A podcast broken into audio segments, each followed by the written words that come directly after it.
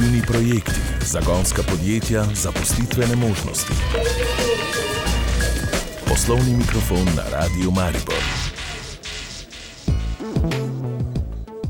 Lepo pozdravljeni. Tokrat smo obiskali Mariborski tehnički šolski center, izobraževalno ustanovo, ki je tesno povezana z gospodarstvom. Ob tem pa prinašamo tudi informacije o najaktualnejših novostih v Energetski agenciji za podravje. Poslovni tudi na spletu. Radio Maribor Picassini.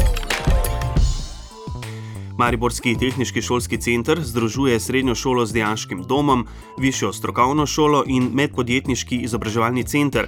Letos šolo obiskuje 744 dijakov in okoli 160 študentov. Medpodjetniški izobraževalni center je namenjen predvsem za sodelovanje in podporo gospodarstvu, za šolanje brezposelnih oseb, za prekvalifikacije, mojsterske izpite in podobno. Center izobražuje kader, ki je na trgu dela precej iskan. Direktor centra Darko Kukovec pokrivamo zelo široko področje in sicer pokrivamo poklicni nivo izobraževanja in tehnični nivo. Na poklicnem izobražujemo za avtoserviserje, inštalaterje strojnih inštalacij, oblikovalce kovin orodjarjev, mehatronike operaterje in avtokaroseriste. Eh, medtem ko na eh, nivoju pete stopnje izobražujemo strojne tehnike, avtoservisne tehnike in tehnike mehatronike. Pri izobraževanju odraslih pa ponujamo tudi program nižjega poklicnega izobraževanja eh, pomočnik v tehnoloških procesih in pa poklicno izobraževanje izdelovalec kovinskih konstrukcij. Upis se je v zadnjih letih povečeval. Vpis se je povečal, recimo v zadnjih petih letih smo prišli iz 590 na 750 dijakov približno, kar pomeni znaten prirast. Res pa je, da se je letos zadeva ustalila in moja ocena je, da tu nekje bo.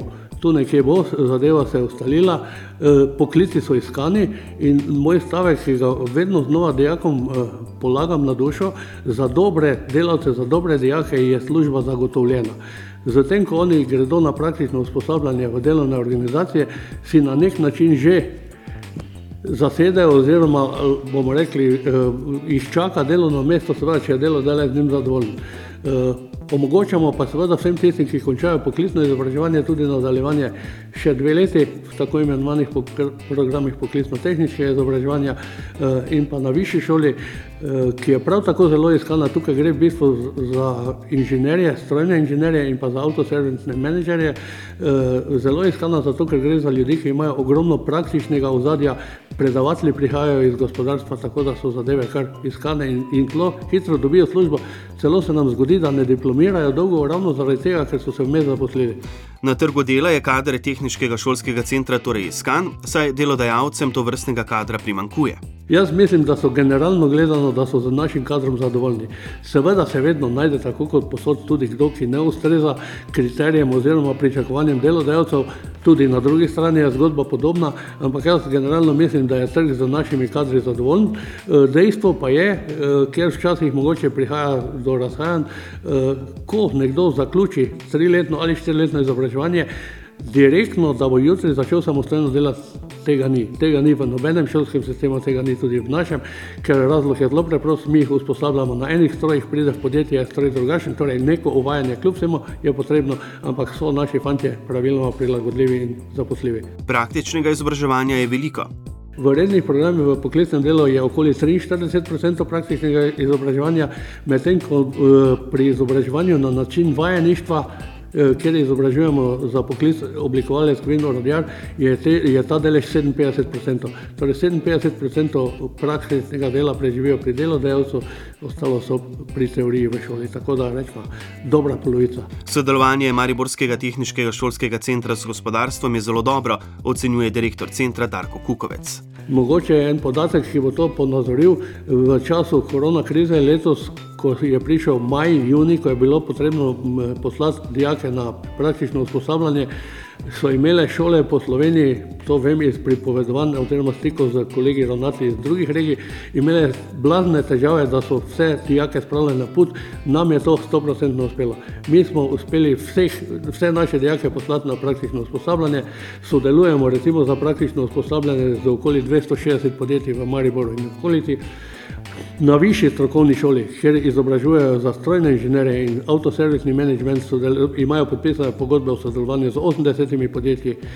Zelo dobro z gospodarstvom sodeluje medpodjetniški izobraževalni center, ki, del, ki izvaja tako tečaje za posamezna podjetja, kot izobraževanja za potrebe Zavoda za zaposlovanje. E, tako da mislim, da je to sodelovanje zelo dobro, jasno pa je, da je vedno možno še boljše. Še naprej ostajamo v Tehničnem šolskem centru, kjer smo postavili v spredje sodelovanje centra s gospodarstvom. Kje so še možnosti za izboljšave? Prisluhnite v nadaljevanju. Poslušate oddajo Poslovni mikrofon na Radiu Maribor. Poslovni mikrofon na Radiu Maribor. Obiskali smo Mariborski tehnički šolski center, izobraževalno ustanovo, ki je tesno povezana s gospodarstvom. Po besedah direktorja centra Darka Kukovca s podjetniki dobro sodelujejo in kot pravi, so zlasti v zadnjem obdobju podjetja prepoznala šolo kot vredno zaupanja, kar se tudi zrcali v donacijah podjetij sami šoli. Tako da smo pridobili kar nekaj donacij v znatnih zneskih od 20 tisoč in preko tega govorim, mi pa poskušamo z naše strani slediti z, z razvoju, z nabavo nove tehnološke opreme, tako da mislim, da smo ena najbolje opremljenih šol v Sloveniji. Nekatera podjetja nam poklanjajo orodje, potem poklanjajo nam učila, recimo gremo na Porsche po en poseben menjalnik, ki nam ga bodo poklonili, donirali zavarovalnica nam eh, podari dele avtomobilov, ki, ki so še uporabni, pa so bili poškodovani v prometnih nesrečah. Recimo največja donacija je avtomatizirana transportna linija, ki smo jo pridobili lani od podjetja Šefer v vrednosti okoli 20 tisoč evrov, tako da mislim, da so te številke spodbudne. Eh, eh, Tesnila Bogadi nam donira urodja. Skratka, eh, ne želim naštevati, ker bom naredil komu krivico. Mislim, da so te donacije kar spodbudne, podpirajo tudi raziskovalno delo dijakov, tudi na tem področju donirajo. Mi pa še enkrat ponovno, kar sem že rekel, pa potem poskušamo slediti, pa te eh, donacije nadgraditi, tako da imamo popolnoma avtomatizirano transportno linijo. Kupili smo še enega dodatnega robota, tako da z dvema robotoma delamo zadeve. Tečejo na nivoju kot v podjetju. Robota za uh, posluževanje transportne linije. Mi smo že prej imeli enega učnega robota in enega industrijskega, ampak zdaj smo dvignili zadevo na višji nivo, gre za tako imenovano sodelovalno programiranje, kjer dva robota pomagata drug drugemu. To je že višji nivo to podjetja, ki se grejo avtomatizacijo, grejo v to smer. Čeprav je sodelovanje tehničnega šolskega centra z gospodarstvom zgledno, sogovornik še vidi možnosti za izboljšave in nadgradnjo. Zakon sistem že omogoča izmenjavo učiteljev pa gospodarstva, vendar moram reči, da ta zadeva zaenkrat ne živi zelo pa je bolj zadržek na drugi strani kot na naši, da bi nekdo iz podjetja prišel za dva meseca v šolo in da bi nekdo od naših šel za dva meseca v podjetje. Ta zadeva ne živi najbolj. Uh, zamišljamo si pa, da bi šli kljub vsemu naši učitelji na usposabljanje 14 dni, 3 tedne. Drugo, vzpostavili smo povezavo z enim podjetjem v poslovni coni, Eh, začeli smo se baviti z, z tehnologijo, ki mislim, da se bavimo edini v Sloveniji, z laserskimi razrezi, eh, ker mi strojev nimamo, nam gre podjetja nasproti in nam da za izvedbo praks, torej ko fanti nekaj izrišajo, sprogramirajo, pa lahko v tem podjetju na stroju to izrežejo, ker pri nas vse možnosti ni in nam je šlo podjetje nasproti. Tehnički šolski center tesno sodeluje tudi s Štajersko gospodarsko zbornico in območno obrtno-podjetniško zbornico Maribor. Z zbornicami sodelujemo redno, ponovadi, kadar imajo uh, sekcije, sestanke, ki se tičejo nas, nas vabijo. Kadarkoli ima gospodarska zbornica kakšne sestanke na temo, ki so zanimivi za nas, recimo vajništvo ali kaj podobnega, nas vabijo, mi vabimo njih. Mi smo recimo imeli za gospodarsko zbornico leto nazaj ali dve eh, podelitev za inovacije potravja, na naši šoli smo mi to organizirali, tako da ti stiki so dobri, redni. Spostavili so tudi kontaktno skupino, kjer so predstavniki obeh zbornic, Mariborskega tehničnega šolskega centra in šolskega centra Ptuj. Mariborski center je prisoten tudi na kariernih sejmih.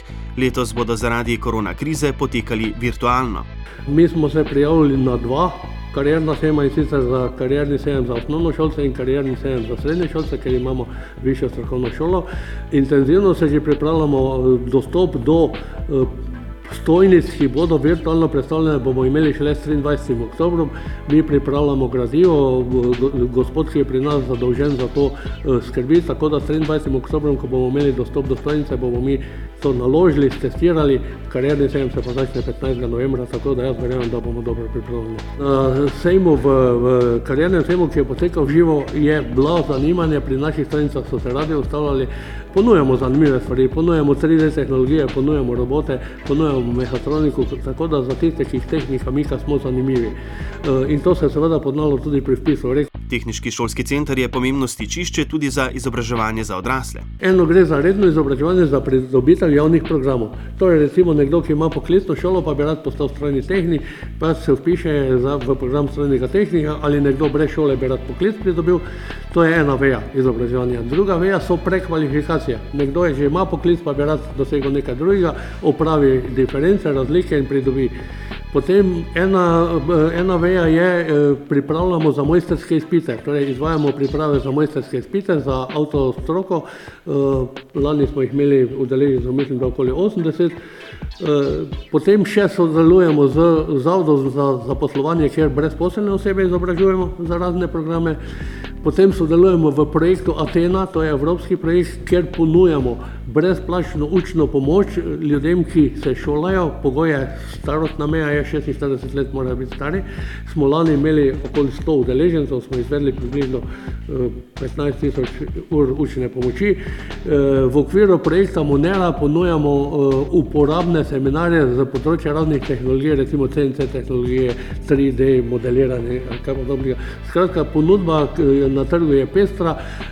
Vse pa je število eh, recimo redno šolajočih na izobraževanju odraslih močno povečalo. V prejšnjih letih smo se sukali okoli 20, zdaj smo blizu 40. Zaposljivost teh ljudi je velika, saj jih na izobraževanje zelo pogosto pošiljajo podjetja, še izpostavlja direktor Tehničnega šolskega centra Maribor. V nadaljevanju odaje pa k aktualnim projektom Energetske agencije za podravje. Poslovni mikrofon na Radiu Maribor raziskovalci. Na javnem razpisu. Evropski razpisi, predstavitve poklicev, pozitivne zgodbe našega okolja. Ki bomo obrnili to tehnologijo v svoj prid. Poslovni mikrofon na Radio Maribor. Energetska agencija za podravje je aktivno vključena v izvajanje projekta energetske sanacije javne razsvetljave v mestni občini Maribor, kjer poteka razpis za izbiro koncesionarja. Prvi del razpisa je bil objavljen v začetku julija, zaključil pa se je v septembru, razlaga direktorica agencije Vlasta Krmel. Tako da zdaj poteka faza preverjanja usposobljenosti, ki bo eh, predvidevamo končana do konca meseca in že eh, nekje v začetku novembra objavljen drugi del razpisa. Tako da to je zdaj ta trenutek zelo eh, torej pomembna naloga. Znano je namreč, da je obstoječa javna razsvetljava v Mariboru energetsko neučinkovita in pa torej tudi svetlobno-tehnično nekje že neustrezna.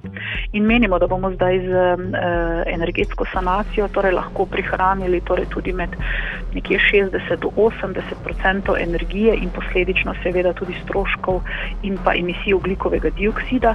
In pa kar je eh, še veliko bolj pomembno, izboljšala se bo tudi osvetljenost, torej tehnične karakteristike, kar bo imelo velik vpliv tudi na varnost v prometu. Nova razsvetljava pa bo prijaznejša tudi do živali.